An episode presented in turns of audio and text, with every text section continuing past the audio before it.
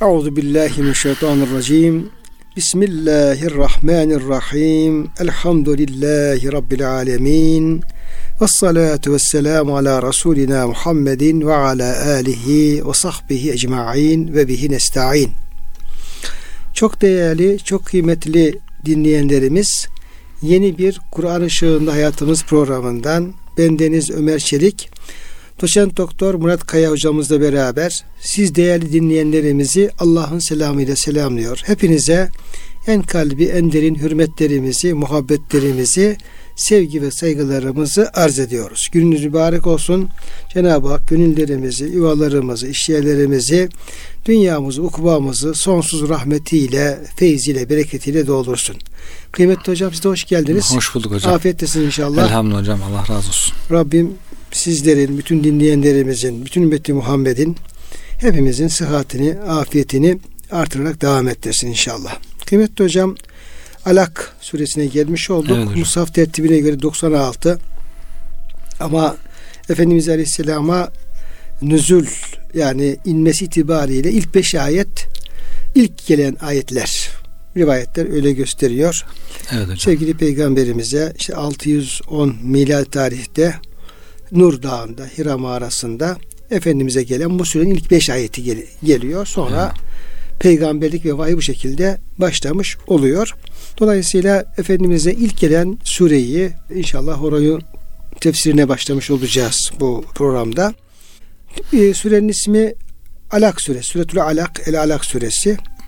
Buna bu ismin verilmesi ikinci ayette geçmiş olan halakal insane min alak yani insanın yaratılış safhalarından olan aşılanmış yumurta. Buna zigot diyenler de var, embriyon diyenler de var. Cenin de denebilir hocam buna. İnsanın anne rahmindeki yaratılış safhalarından bir safhaya işaret eden alak kelimesi geçtiği için insanı alaktan yarattı tarzında. Geçtiği için ondan hareketle bu sureye Yüce Rabbimiz, Peygamberimiz Alak suresi ismini vermişler. Tabi sure 19 ayetten oluşuyor. Bunun ilk 5 ayeti Peygamber Efendimiz Aleyhisselam'a gelen ilk ayetler. Dolayısıyla bu ilk ayetlerin tabi ayrı bir de ehemmiyeti var. Onu inşallah e, ayetlerin tefsirinde dilimiz döndüğü kadar söylemeye çalışacağız. Yani neden Alak suresi, neden ilk 5 ayet, neden bu ilk 5 ayetteki bahsedilen konular. Evet. Onun hocam cevabını ayetleri tefsir ederken gücümüz yettiği kadar dile getirmeye çalışacağız. Müfessirlerimizin vermiş olduğu bilgiler ışığında. Bu surede okumanın, öğrenmenin üstünlüğü, insanın yaratılışı, Cenab-ı Hakk'ın kalemle öğretmesi, işte kalemin yazının ehemmiyeti, bunların insana Allah'ın ihsanı olduğu, insanın bunları düşünmesi, Rabbine itaat etmesi gerektiği, aksi halde azama düşür olacağı anlatılıyor bu surede. Orada namazdan bahsediliyor. Ondan sonra sevgili peygamberimizi namazdan alıkoyan kimse Ebu Cehil'le ilgili rivayetler var. Ondan bahsediliyor.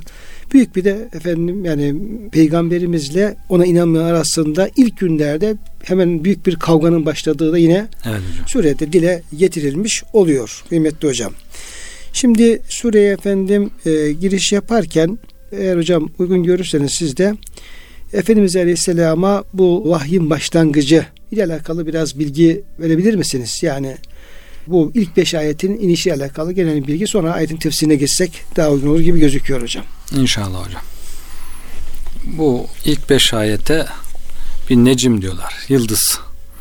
Yani vahyin e, gelen her bir parçasına necim deniyor hocam. Yıldız gibi. Demek ki vahiy Allah'ın gönderdiği o bilgi o vahiy yıldız gibi semamızda parladığı için bize yol gösterdiği için herhalde ilk necim beş ayet Hatta şeyde bile hocam En Necmus Sakıp'ta evet orada anlatmıştık ama yine tabi hatırlatma babından e, ve semai ve tarik ve ma edrake ma tarik en necmus sakıp karan ışığı karanlığı delen yıldız anlamında. Evet. Müfessirler burada yine bunun da bir Kur'an-ı Kerim olduğunu, Kur'an ayetleri olduğunu söylemişlerdi hocam. orada. Evet. Dolayısıyla Kur'an-ı Kerim'in ilk parlayan yıldızının bu beş ayet olduğu ile ilgili ittifak, icma var neredeyse hocam. Bütün ulemamız onu söylüyor. Peygamber Efendimizin bu vahiy gelişini Hazreti Ayşe validemiz anlatıyor. Efendimiz 40 yaşına yaklaştığında diyor ona diyor sadık rüyalar göstermeye başlandı. İlk vahiy sadık rüyalar halinde gelmeye başladı. Efendimiz bir rüya görür diyor. O rüya sabahın aydınlığı gibi aynen tahakkuk ederdi. Rüyada nasıl gördüyse. Daha çok geleceğe ait hadiseler he, Daha geçmişler zaten e, bir anlamı yok. Geçmişi rüyada görse insan şuur altındaki şeyleri görmüş gibi olur. Yani meydana gelmemiş olayları görüyor. Sonra o gördüğü gibi meydana geliyor. Mesela birisinin öldüğünü görüyor. Evet. Mesela yani atıyoruz tabii tam orada rüyalarda öyle bir şey belki ayrıntı yok ama bir kişinin öleceğini görüyor. Adam bir gün sonra ölüyor. Birisinin bir çocuk, erkek çocuğu gelecek görüyor mesela. Hı hı. gelecekle alakalı olduğu evet, evet. hocam. Evet hocam. E, bu şekilde 6 ay sadık rüyalar devam etti diyor Hazreti Ayşe validemiz. Onun için Peygamber Efendimiz rüya, sadık rüya nübüvvetin 46'da bir cüz'üdür. 46'da biridir buyurmuş. Yani 23 yıl peygamberlik düşündüğümüzde hocam 46'da biri 6 ay ediyor. Yarım sene ediyor. E, bu şekilde ilk hazırlık dönemi yani bir anda meleği görse belki çok korkabilirdi Efendimiz ama bu şekilde rüyalarla hazırlanıyor. Sonra diyor kendisine yalnızlık sevdirildi. Halvet. Tek başına azığını alıp gidiyor Hira mağarasına. Orada tepenin üstü zaten hocam 5 kilometre Kabe'ye. O zaman oradan Kabe'de görülüyor. Şimdi binalar kapatmış tabii ki. Oradan mağaranın hocam girişi geniş ön tarafında da pencere gibi küçük açıklık var. Yani tamamen Siz gittiniz değil mi? Evet mağaraya? hocam. Kapalı bir mağara değil yani iki kayanın böyle sanki birbiriyle çatışmasının Hocam kayalar da çok enteresan duruyor ama yani evet. biraz bir ürkütücü bir şey var herhalde. Böyle sanki benim kayıp düşecek gibi bir his insanın içine evet. geliyor. O iki kayanın arasındaki boşluk gibi mağara. Ön tarafta da zaten açıklık var. Oradan Kabe'yi görmek mümkün. Zaten mağaradan çıkıp seyretmek, mağaranın üstüne çıkıp üstten kayadan seyretmek de mümkün. mümkün. Orada Efendimiz diyor ibadetle meşgul oluyordu. İbadeti de o zaman için namaz yok. Henüz gelmemiş. Kur'an-ı Kerim yok ki Kur'an okusun. İbadette tefekkür ve Kabe'yi seyretmek. Belki insanların içine düştüğü zor durum mu düşünüyor. Bu nasıl kurtulur bu durumdan? Ne yapmak lazım? Çare nedir gibi belki ağır bir yük e, zihninde hocam. O şekilde tefekkür ediyor. Allah'a düşünüyor. Kabe, Beytullah'a bakıyor. Hocam o şekilde e, hıraya girip de efendim ibadete çekilme, inzivaya çekilme sadece Peygamberimiz Aleyhisselam'ın yapmış olduğu bir yer, onun hmm. başlattığı, onun yaptığı bir şey mi yoksa normalde yani Mekkelilerde, Kureyş'te böyle bir gelenek var mıydı hocam? Çok meşhur değil ama bazı böyle rivayetler var hocam. Abdülmuttalib'in de peygamberin dedesinin de bu şekilde zaman zaman gittiği işte bazı Haniflerin zaman zaman bu şekilde gittikleriyle ilgili bazı rivayetler var. Çok yaygın olmamakla birlikte. Muhtemeldir yani olabilir belki. Efendimiz de onları dedesi gibi onlardan e, gördüğü için gitmiş olabilir. Çünkü bir de hocam oraya yani Hira yani e, işte gari Garul Hira. Evet. İşte Hıra mağarası, Hıra Dağı gibi bir Hıra isminin verilmesi de cali bir dikkat. Evet. Bu e, şeyin e, Diyanet İslam Şubesi'ne verilen bilgiye göre hocam orada Hıra kelimesi diyor tahari kökünden geliyor. Hmm. Tahari de bir gerçeğin peşinde olmak, bir gerçeği hmm. araştırmak. Araştırma. He, araştırmak. Şimdi dağın tepesinde ne araştırılır? Daha ziyade böyle işte e, kişinin tefekkür etmesi. Yani ben nereden geldim, nereye gidiyorum? İşte Cenab-ı Hakk'ın fiilleri, sıfat üzerine tefekkür etme. Böyle yani bir manada hakikati araştırma, tefekkür etme yeri olarak böyle bir şeyi var. Evet. Yani o Hıra Dağı'nın hı hı. o mağaranın da böyle bir Arap kültüründe bir yeri var hocam. Evet. Dolayısıyla böyle bir gelenek belki yani ta Hazreti İbrahim Aleyhisselam'dan sonra belki o Arapların şeyinde böyle bir gelenek izi devam ediyor. Evet. Sizin buyurduğunuz gibi Abdülmuttalip Efendimiz dedesi de zaman zaman gidermiş. Belki başka yine hı hı. Araplardan gidenler de olurmuş. Belki Efendimiz Aleyhisselam onun bir devam niteliğini bir sevki ilahi de olabilir tabi. Efendimiz evet. alakalı. Tabi. Evet. Tabi Allah sevdir diyor. Sevdirildi diyor. Yani yalnız kalma sevdirildi. Önceden yapmazken. Ve hub ve hub bileyi el halâ. Evet. Yani önceden yapmazken artık son zamanlarda yalnız kalma isteği gönlüne veriyor Cenab-ı Hak. Kaç gece kalıyor. Geliyor işte azığını alıp tekrar gidiyor. Birkaç kişi daha kalıyor. Hatta bazı rivayetlerde yine siyer rivayetlerinde e, önce rüyada Cebrail aleyhisselam geliyor. Rüyasında e, ona İkra suresini getiriyor. Tabi e, rüyalar e, sadık rüya olduğu için aynen gerçekleştiği için hocam sonra da peşinden uyanıkken uyanıkken Cebrail aleyhisselam geliyor. Efendimiz'i diyor beni bir sıktı diyor şöyle e, iyice kendine gel anlamında mı artık ne manadaysa. Hocam bir de rüya kelimesi zaten görmek demek. Evet. Yani şer'adan görmek. Hı hı. Belki de esas hocam bir şeyi net bir şekilde görmek de kalbin görmesi, ruh, ruhun görmesidir yani böyle. evet. O da peygamberlerin rüyalarını bizim gördüğümüz böyle hayal meyal rüyalarda hocam belki karıştırmamak lazım yani. Doğru. Yani onların o görmeleri aslında hakikati görmeleri. Evet. Hakikati duymaları. Yani yani bir şeyin rüyada olmasını hmm. biz biraz ikinci derecede şey yapıyoruz hocam. Evet hocam. Diyoruz ki rüya mı gerçek mi falan diyoruz. Hı İşte rüya ise yani işte biraz hayalle karıştırabiliyoruz. Evet. Halbuki peygamberlerin rüyaları vahyin ta kendisi. Evet. Rüya evet, ayrı bir alem hocam. Çok Tabii ayrı bir alem. Dehşetli bir alem. Orada yaşatıyor hocam. Geliyor işte diyelim ki meleği görüyordur. Hı-hı. işte meleği duyuyordur. Oradaki getirdiği bilgiyi alıyordur. Evet. Ama orada bir netlik var hocam. Karışıklık yok yani. Evet evet. Orada hatta bazen bazı rivayetlerde şey var hocam. Şakkı sadrın bir de burada gerçekleştiği meleklerin işte Cebrail Aleyhisselam'la Mikail Şeyde hocam Hira'da mı hocam? Hira'da vahiden önce. Yani Peygamber Efendimizin sadrını yarıp onun vahyi hazırlamak, kalbini işte hikmetle, imanla, nurla doldurmaları durumu söz konusu hocam. Sonra vahye iyice hazırlandıktan sonra Efendimiz sallallahu aleyhi ve sellem ondan sonra Cebrail aleyhisselam geldi diyor. İyice sıktı Efendimiz'i bıraktı oku ikra diyor. Efendimiz ben okuma bilmem. Ben me bir kari. Ben hiç Kur'an'da okumadım, yazmadım. Tekrar diyor sıktı beni. Melek tekrar oku dedi.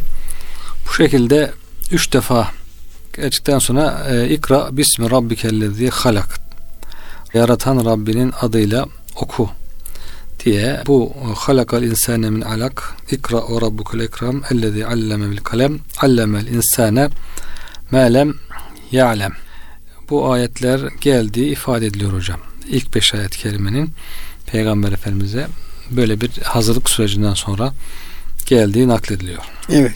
Şimdi hocam tabi rivayetler bu çerçevede Efendimiz Hı-hı. Aleyhisselam'a gelen ama Resul Efendimizin o ilk Cebrail Aleyhisselam'ı görmesi, bu vahiyleri alması ve yaşamış olduğu bir kısım ne diyelim ki o psikolojik haller yani işte kendisinin endişe etmesi, Hı hı. Bana bir hal geldi mi diye korkması. Yani evet. ben işte aradığımı buldum. Hı hı. Yani Efendimiz Aleyhisselam da yani o ilk vahye nail olduğu zaman Efendimiz Aleyhisselam'a tam da ben işte efendim bir peygamberlik arıyordum.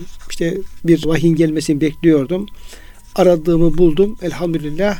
Onun böyle bir ferahlığını, bir sürurunu yaşama hali yok. Yok. Tam Değil tersine hiç beklemediği bir durumla karşı karşıya gelmiş olmanın verdiği bir korku ve endişe hali var hocam hı hı. hali var.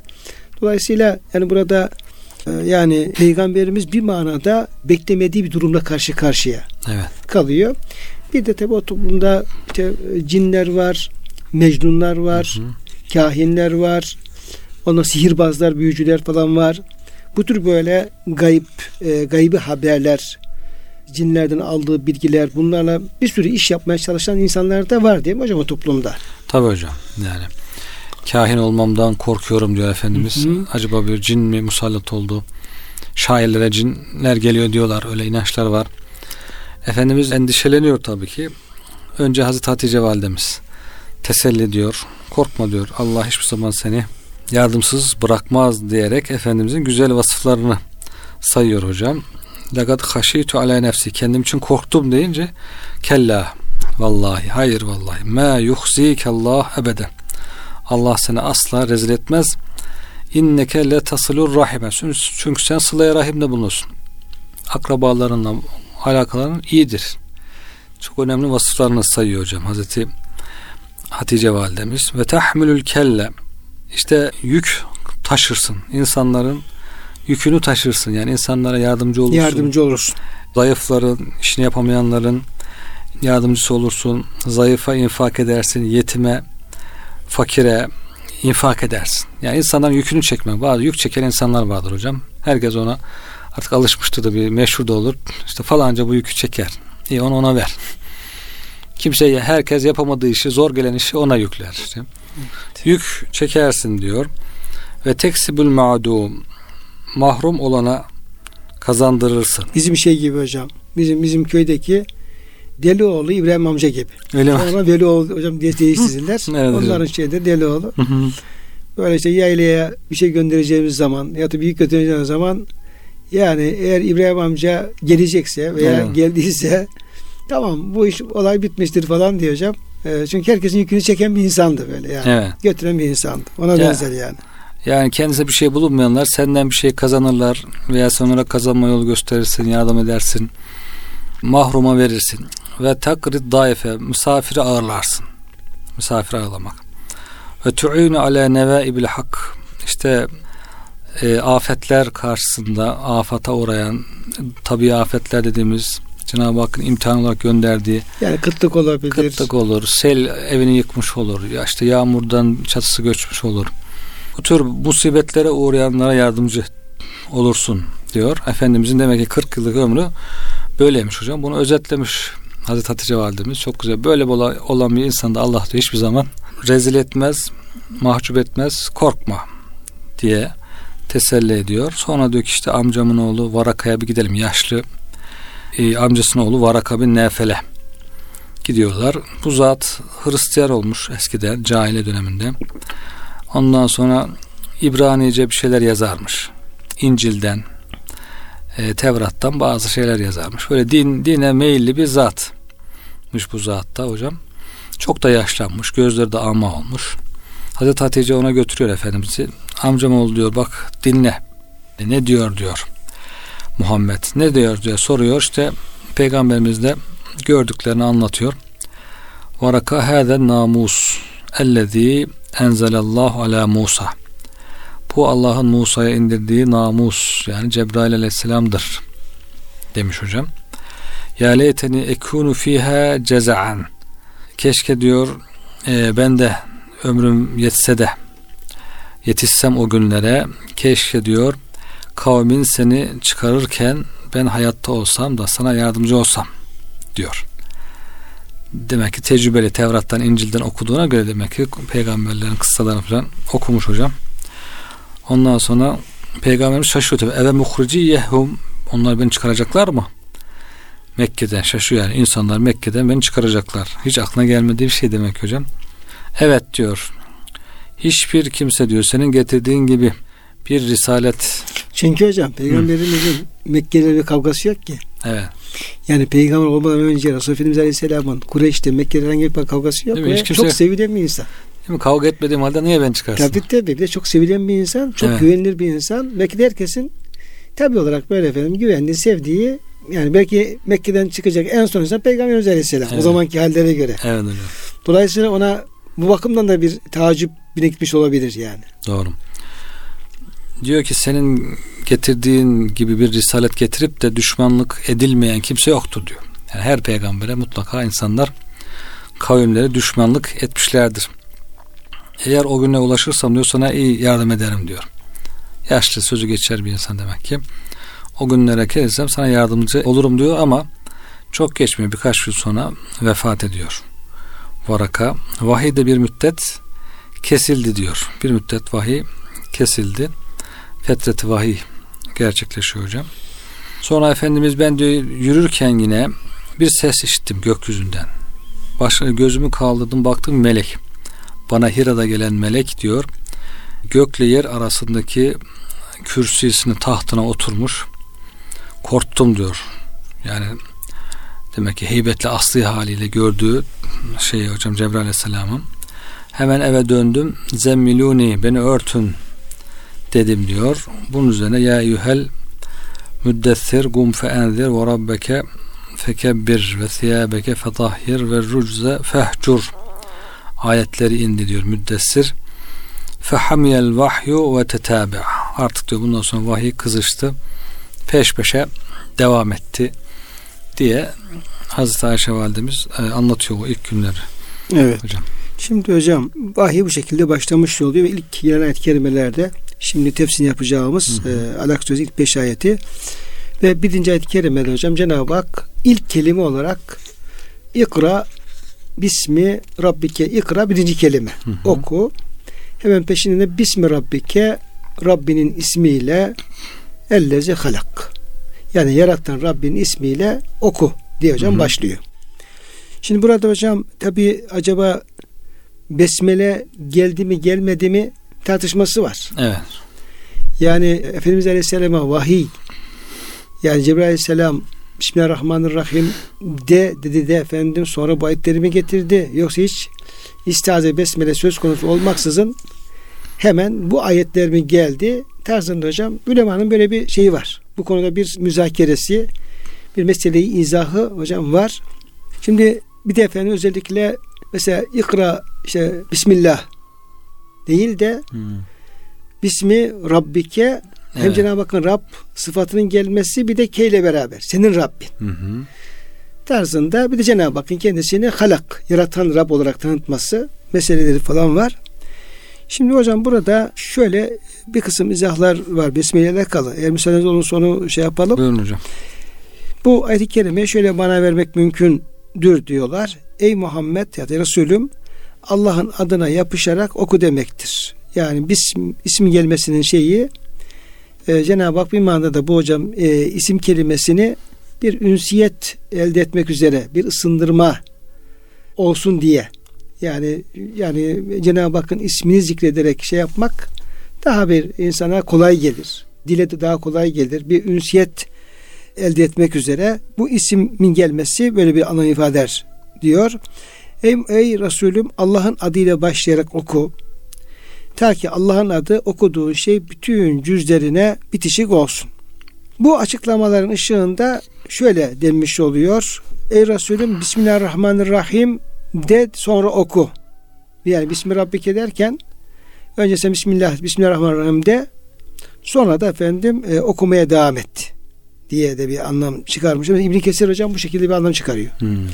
Yani Peygamberimiz illa Bismillahirrahmanirrahim gelmesine gerek yok. Evet. Zaten Bismillahirrahmanirrahim demek Efendimiz Aleyhisselam bunu görünce Bismillahirrahmanirrahim diyerek başlamam lazım diye anlamıştır. Bismillahirrahmanirrahim bunu söylüyor diyor mesela. Hmm, doğru hocam. İbn Kesir'in yorumu bu şekilde hocam. Evet hocam. E, burada anlaşılıyor ki İkra Bismi Rabbike ayeti kerimesi başında besmele olmaksızın inmiştir. Nitekim bu gerçeği İmam Buhari de açık bir şekilde söylemektedir. Allah'ın böyle bir emir vermesi adı okuma esnasında Peygamber Efendimiz'e güç vereceğinden ve Mevlasıyla ünsiyet meydana getireceğinden dolayıdır. Çünkü isim ile meydana gelen ünsiyet, kaynaşma ve yakınlaşma bu ismin temsil ettiği varlık ile kaynaşma ve yakınlaşmaya sebeptir. Yani ismi Rabbike demesinin de hı hı. böyle bir Efendimiz'i okumaya alıştırma, zikire alıştırma, vahye alıştırma tarzında bir şey olabilir diyor. Bir diğer hocam yine Besmele ilgili bir açıklama daha var burada. Onunla ilgili Taberi Besmele'nin tefsirinde e, müfessir Taberi Besmele'nin tefsirinde Resulullah Aleyhisselam'ın ilk önce istiaze ve besmele ayetleri geldi. Sonra Alak Suresi'nin ayetleri geldi diye rivayetler naklediyor yani. Tabii böyle bir hocam şey var orada. Bazı evet. bilgiler var. Çok tabii kuvvetli bilgiler değil ama evet. bilgi olarak yer alıyor. Diyor ki kaynaklarımızda yeryüzüne inen ilk ayet Bismillahirrahmanirrahim ayetidir. Buna göre Besmele ilkin Hazreti Adem Sefiyullah'a inmiştir. Bu ayet indiğinde Hazreti Adem şu anda anladım ki benim zürriyetim bu besmele üzere oldukları sürece cehennemde azap edilmeyeceklerdir demiştir. Daha sonra aynı besmele Hazreti İbrahim Aleyhisselam mancınıka konmuş ateş atılmaya beklerken indirilmiştir. Bismillahirrahmanirrahim. Bu besmele sayesinde Allah Teala peygamberi ateşten kurtarmıştır. Hazreti İbrahim'den sonra besmele Hazreti Musa Aleyhisselam'a inmiş ve besmele ile Firavun ve ordularını dize getirmiştir. Sonra besmele Süleyman Aleyhisselam'a nazil olmuş ki zaten Süleyman Aleyhisselam'a nazil olduğu ilgili hocam şeyler var zaten. Evet. Ayet-i kerime açık olduğu için yazdığı yazdığı mektuba da besmele başlıyor Süleyman Aleyhisselam. İnnehu min Süleyman'e o gelecek şimdi burada. Süleyman Aleyhisselam'a nazil olmuş melekler Süleyman Aleyhisselam'a dönerek Allah'a yemin ederiz ki şu anda senin mülkün tamamı ermiştir demişlerdir. Besmele Allah'ın peygamberlerine ve o peygamberlerin ümmetlerine bir rahmet ve güvenlik ayetidir. Besmele Peygamber Aleyhisselam'a da Nemil suresinde innehu min Süleymane ve innehu Bismillahirrahmanirrahim. O Süleyman'dandır ve Rahman ve Rahim olan Allah adıyla başlamaktadır. Ayet-i kerimesi indiğinde Peygamber Efendimiz için büyük bir fethi olmuştur. Efendimiz emretmiş besmele bütün sürelerin başlarına, defterlerin sırtlarına, mektupların baş taraflarında yazılır olmuştur. Hmm. Efendimiz Aleyhisselam'a iki türlü hocam bir şey var, bilgi var orada. O tabi naklettiği bilgiye göre önce sevgili peygamberimize besmele ayrı bir ayet olarak gelmiş. İlk olarak gelmiş. Sonra alak sözün beş ayeti gelmiş. Sonra Efendimiz Aleyhisselam o besmeleyi bütün sürelerin başına teberrüken koymuştur. Ama her sürenin başına besmelenin sıfırdan yeni bir ayet olarak gelmiş olma ihtimali de yine kurra arasında e, ihtilaflıdır yani. Evet, hocam. Onu söyleyenler de bulunmaktadır. Böyle olunca kıymetli hocam yani besmele ile ilgili böyle bir bilgiler kaynaklarımıza da yer almaktadır. Yani bu bu da olabilir ama İbn Kesir'in yaptığı yoruma göre yani ikra bismi rabbike buyurulması ya okumaya sen besmele ile Rabbinin ismiyle evet. Bismillahirrahmanirrahim diyerek başlığa zaten efendim Efendimiz anlaşılmıştır. Cebrail Aleyhisselam'ı izah etmiştir. Efendimiz'e besmele çekerek okumaya başlamıştır diye de hocam. Evet hocam. Böyle bir durum söz konusu olmaktadır. Şimdi özellikle hocam ilk ayetin ikra, oku olması. Buradaki oku nasıl bir emirdir? Evet hocam. Yani sadece inen ayetleri okumak mıdır? Yoksa bu efendim Efendimiz'e nasıl bir e, vazife vermektedir bu ikra? Ya hakikaten bu hocam ilk inen ayetler Allah'ın zaten bütün ayetleri her tarafı böyle parıl parıl aydınlatan bu kristaller gibi her tarafı ışık saçan çok özlü kısa ve çok manalı ifadeler hakikaten. Bakın yani ikra çok özenle seçilmiş bütün kelimeler. Evet, okumak başlamış. Ondan sonra Allah'ın ismiyle diye başlamış. E, bu, buradan Besmele'yi anlıyor. Ondan sonra en önemli şey okumak olduğunu. Kendisine gelen vahyi insanlara aktarmak öncelikle. Ondan sonra e, insanları dine çağırmak. Ondan sonra Efendimiz okuması yazması olmadığı için onun sözlü olarak gelen vahyi nakletmek, insanlara davet etmek. Ama diğer insanlar, ümmeti, ümmetine de tabi hitap ediyor bu. Ümmetinin en önemli şey işte Allah'ın kelamını okumak, Kur'an okumak. Ondan sonra onu anlayacak, anlamak için başka kitapları okumak. Yine aynı şekilde peygamberimizin vazifesini emrül maruf nehyel münkeri yapmak insanları insanlara da bunu öğretmek, okutmak, insanlara davet etmek, çağırmak. Okumak e, davet manası da vardır hocam bizim Anadolu'da. Düğüne okudun mu falan derler. Yani davet ettim. Abi. Davet etmek manası. İşte biz bunlar falanlar işte düğüne okuduk diye küçük bir davetiye ile bir de küçük bir hediye ile okumak manası. Bir de hocam böyle Kur'an okumaları diye. Evet. Ya da işte falan mesnevi okumaları, Kur'an okumaları, evet. işte efendim Fusus okumaları diye böyle tefekkürle konferans isimleri falan böyle hocam şeyler falan böyle e, Türkçe'de falan var hocam. Akademide de çok meşhur oldu Hı-hı. bu böyle okumalar falan. Üzerinde düşünerek, çalışarak, tefekkür ederek e, yani onu anlamaya çalışmak. Anlama gayretleri demek ki. Allah'ın gönderdiği vahyi almak, ondan sonra anlamak, insanlara ulaştırmak. Ee, insanlara ulaştırmak, insanları çağırmak. Bizim şeyde hocam e, fakültede bir Kur'an hocamız vardı. Emekli hocalarımızdan. Allah sıhhat afiyet versin. Ama işte kur, kur hafız kendisi, Kur'an-ı Kerim hocası. İşte Kur'an-ı Kerim okuyor, okutuyor falan böyle. Çok meşhur Kur'an-ı hocalardan bir tanesi. Bir gün fakültede bakıyor şeyde e, o camda kapıda bir ilan. Hmm. İşte e, fakültenin konferans salonunda bir şey olacak, program olacak. İşte farklı Kur'an okumaları. Hmm. Efendim işte e, Ebu e, Nasır Zeyd'in işte efendim yok Muhammed Arkaon çok farklı Kur'an okumaları. Kur'an okumaları diye orasının dikkatini çekiyor evet. içerisinde falan. Gözlüğünü takıyor bakıyor tamam yerini öğreniyor. Sanıyor ki birkaç kurra gelecek şeyler İstanbul Yeşil Kederinden bunlar işte vücuh yapacaklar. Kur'an okuyacaklar falan böyle. Çantasını alıyor geliyor oturuyor ön tarafa.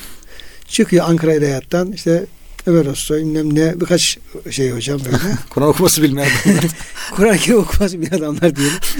Sonra başlıyorlar işte Arkon şöyle dedi. Bilmem falan. Fazıl Rahman böyle dedi. Zeyd böyle dedi. Ne besmele var ne istihazan hiçbir şey yok. Ondan, biz de oradayız tabii. Hoca kalktı ya dedi ben buraya geldim. Kur'an okuyacaksınız diye ne Kur'an var ne okumak var. Şimdi hocam Kur'an okumaların böyle bir şey hatırası var şeyde. evet Öylesin. okumanın da biraz böyle meseleyi geniş manası. Geniş manası. Oku, yani anlama, hmm. şey efendim yani meseleyi izah etme, işte evet. yazma, anlatma. Öyle bir anlamda kullanılıyor evet. o zamanlarda. Herhalde hocam o anlamda anlamak daha doğru olacak gibi. Evet hocam. Yani biz o kıraat hocasının değil de oradaki konferansçı olarak yani meseleyi kavrama. Evet hocam. Kavrama, kavratma, anlatma Hı-hı. tarzında böyle bir anlam ikraya hocam benim anlam vermek daha uygun e, evet. düşecek. Bir de hocam her türlü okuma.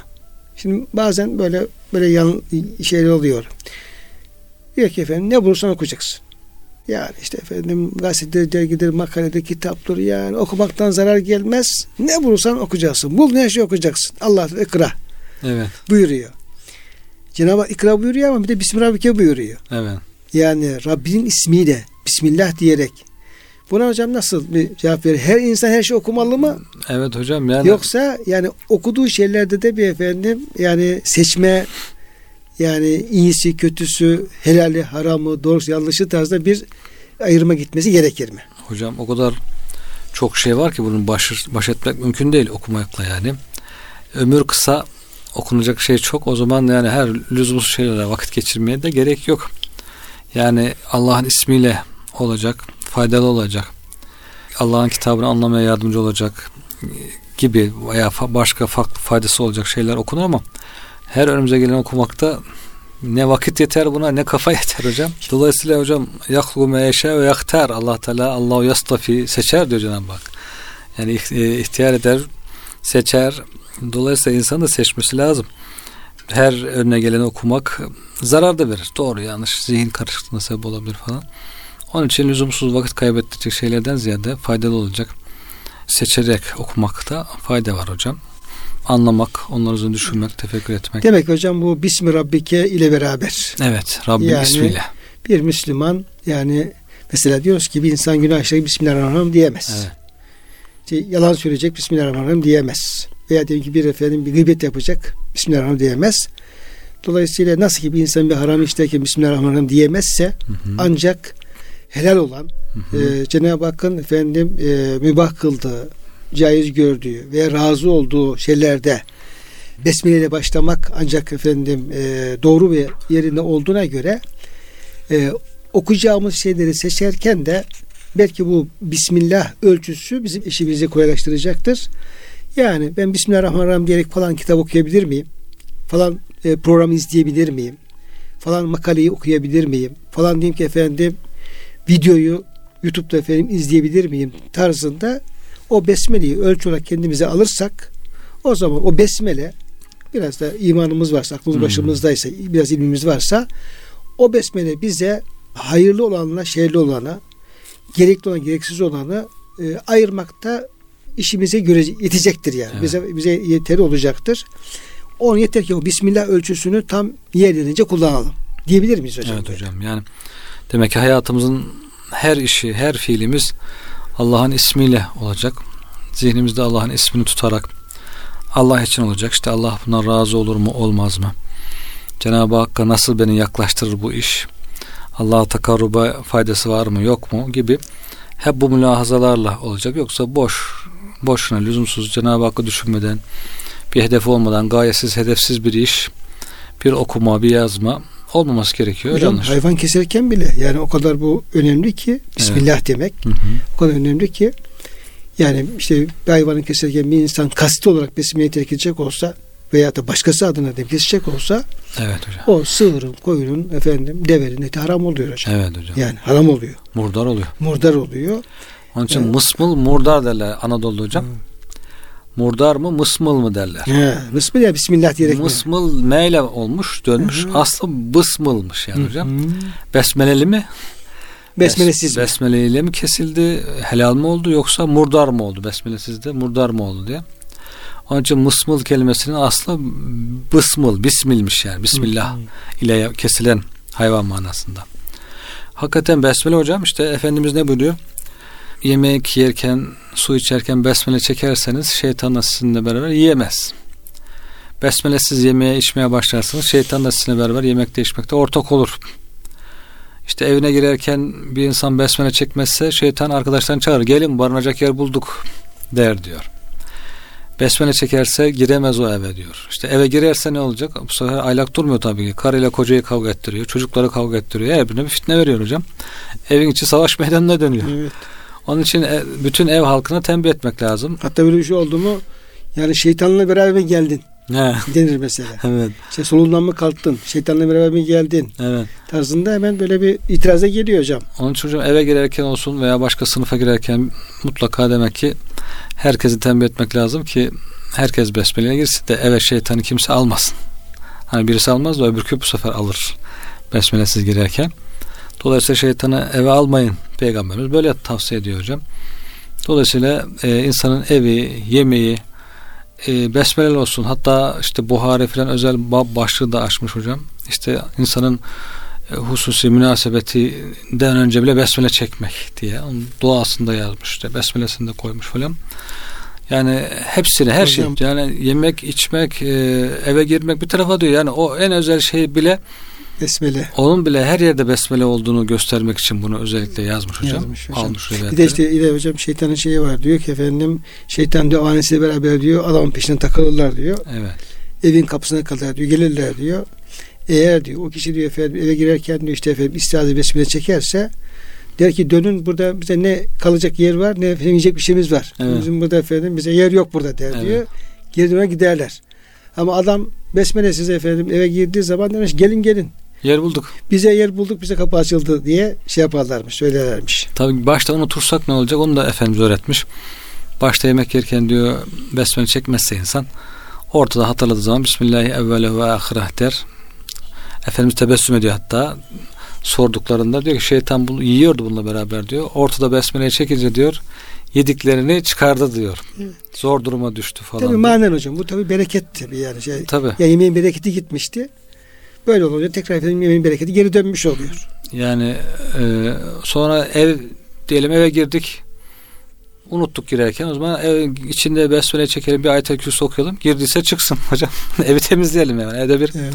temizlik yapalım. Dolayısıyla besmelesiz bir yerimiz kalmasın hayatımızda diye burada onu yani ilk inen daha ikra bismi rabbikellezi halak. Evet şey gibi olacağım işte.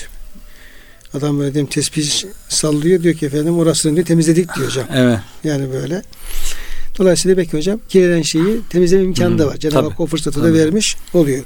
Şimdi hocam tabi burada ayet-i kerimede özellikle niçin ilk ayette de niçin Rab Hı hı. sonra da Cenab-ı Hak kendisini niye halak diye efendim Hı hı. tanıtıyor ama biz hocam bugün vaktin sonuna girmiş olduk. Yani Hı hı. özellikle bu Alak suresi vesilesiyle yani vahyin başlangıcı ve efendim işte ilk olarak da niçin böyle bir ayet-i kerimeyle söze başlanmış.